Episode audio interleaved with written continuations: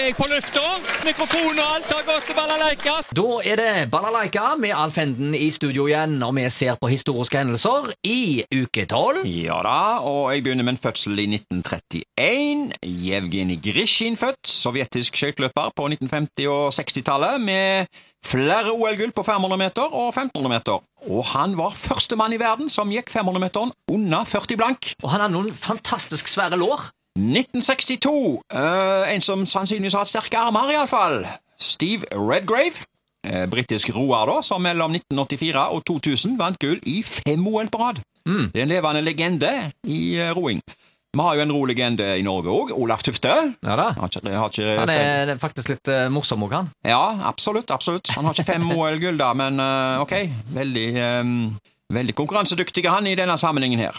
Hendelser internasjonalt 1903. Brødrene Wright søker om patent for sin oppfinnelse av flyet. Like før jul da, samme året så foretok de fire flyvninger med deres eh, første motordrevne fly, og den lengste flyturen varte i 59 sekunder. Ja, Såpass, Ja, ja. Iallfall oppe i lufta, da. Ja, ja, ja. Ja, det var- det var ikke verst. Nei, et dramatisk minutt, det er sikkert. Ja. Jeg husker vi gjorde noen forsøk på å lage en sånn en uh, hangglider. Ja. Kima lagde hangglider. Ok. Og uh, da var det en uh, kar da som uh, vågte seg ut forbi et stup der og skulle prøve denne. Ja. Det gikk ikke fullt så bra, Nei, så det var styrt. men han lever. Ja, han overlevde selvfølgelig, men Ja. han fikk nok litt vondt, for å si det sånn. ok. Ja, ja, ja, ja. Ja. Så det var et mislykka prosjekt. Var, Så, så det, de Wright-brødrene gjorde nok en litt bedre jobb enn hva vi gjorde den gangen. ja, ja. Sier det sånt. Ja. 2007. PlayStation 3 blir lansert i Europa. Og Så går vi på hendelser lokalt her. Kino i uke 12, 1992. En eh, ok meny her på Edda. Filmen Tidligvannets første. En film med Barbara Streisand og Nick Nolt til 15-årsgrensa der. Og en film som heter En datter til besvær. Det var jo en familiekomedie. Og så eh, Nøkkelen til Provence del 1. eh, Min fars ære. Den var fransk. Den gikk klokka 18. Og du, klokka 20.30 Ja. Så gikk Nøkkelen til Provence del 2. Oh, såpass, Ja, ja. ja, ja. Så du kunne se Eh, fortsettelsen med en gang? Og, og da sto det her i kinoannonsen endelig er del 2 her. Like vakker og deilig som første del. Det var kjapt! Ja, ja, ja, ja. Allerede en uh, time etter den første ferdige. ferdig. Ja, ja. Den filmen heter Min mors slott. Og så uh, gikk uh, filmen Krigerens hjerte, en norsk film der. Kjærlighetshistorie. Og så tar vi med en film til.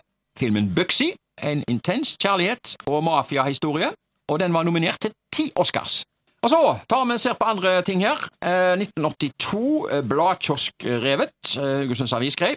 En av de aller siste bladkioskene i Haugesund, den vesle grønne i Sørhaugata ved Victoriahjørnet, ble revet fredag. Muligens kan grunnmuren være noe å ta vare på. Den ble bygd som maskingeværstilling av tyskerne under krigen for forsvar av den gamle Skjoldaveien. Kiosken ble trolig satt opp like etter krigen.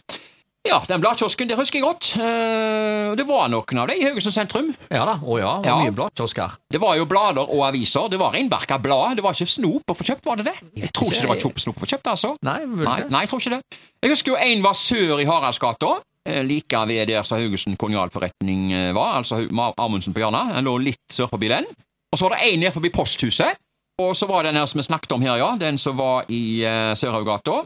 Og jeg husker at i alle disse kioskene så satt det en ansatt bak ei luke, som regel ei dame. Og eh, det var jo ikke andre oppgaver, sikkert, i den eh, kiosken enn å ekspedere de som kom, og eh, hun satt jo som regel bak ei luke der, så åpna da når hun så folk. Eh, og hun satt gjerne og strikka eller løste kryssord Ja, nettopp. når det ikke var folk der. Det, jeg husker dette her, altså. Det Ja, ja, var ja. en enkel og primitiv ruta, oppgave. Ja, så det var en veldig enkel arbeidsoppgave. Men da måtte du vite hva du skulle ha. Ja, selvfølgelig. Eh, for mitt vedkommende så var det mye disse her små eh, Husker du Prærie- og Villvestbladene? Ja, stemmer. Ja, ja, det skulle jeg ofte ha. Ok. Og gjerne Donald. Ja, ikke bare gjerne Donald, jeg skulle jo ha Donald òg, da. Ja, ja, ja. Ja. Hjemme hos oss så var det eh, Donald og Fantomet. Det var Fantomet til meg og Donald til broren min, tror jeg. Ja, ja. Så det var, sånn var det. ja. Så jeg hadde mye Fantomet, så jeg tror jeg, jeg har fortsatt en dag i dag eh, i ei hylle, faktisk. Eh, noen tusen gamle det- Så det er sånne samlegreier. i- Ja, Han ble jo gift jo til slutt, Fantomet, med hun der, gjorde det, hva var det hun het nå igjen? Sara. Sara Ja. Palmer, selvfølgelig. Ja, stemmer. Ja, ja, ja. ja. Ja, ja. Du, vi må gå over på fantastisk. noe annet. Kan her. huske, ja. Eh, 2011. Eh, overskrift i Karmsund Avis. Det bor en brettspiller i oss alle. Har du hørt om Kaleidos og Twilight Imperium? Ikke det, nei. Hva da med Wildlife Elephant, Hotel Samua og Seven Wonders? Ikke det heller? Vel, har du hørt om ludo, er det likevel nok til å lese videre. I fire dager til ende har distriktets brettspillentusiaster fått fritt spillerom på Vormedal grendahus. Der har de spilt om både store og små premier. Da dørene stengte på søndag, hadde om lag 60 deltakere fått anledning til å teste kunnskapene og flaksen på hele 200 varianter brettspill. Dette var fjerde året på rad at Haugaland brettspillklubb arrangerte Midvinter spillfestival. Turneringsleder Einar Hansen smilte fra øre til øre. For mitt vedkommende oppsto interessen veldig tidlig, faktisk helt fra jeg var i stand til å kaste inn terning, smiler 44-åringen som behersker hele 160 brettspill.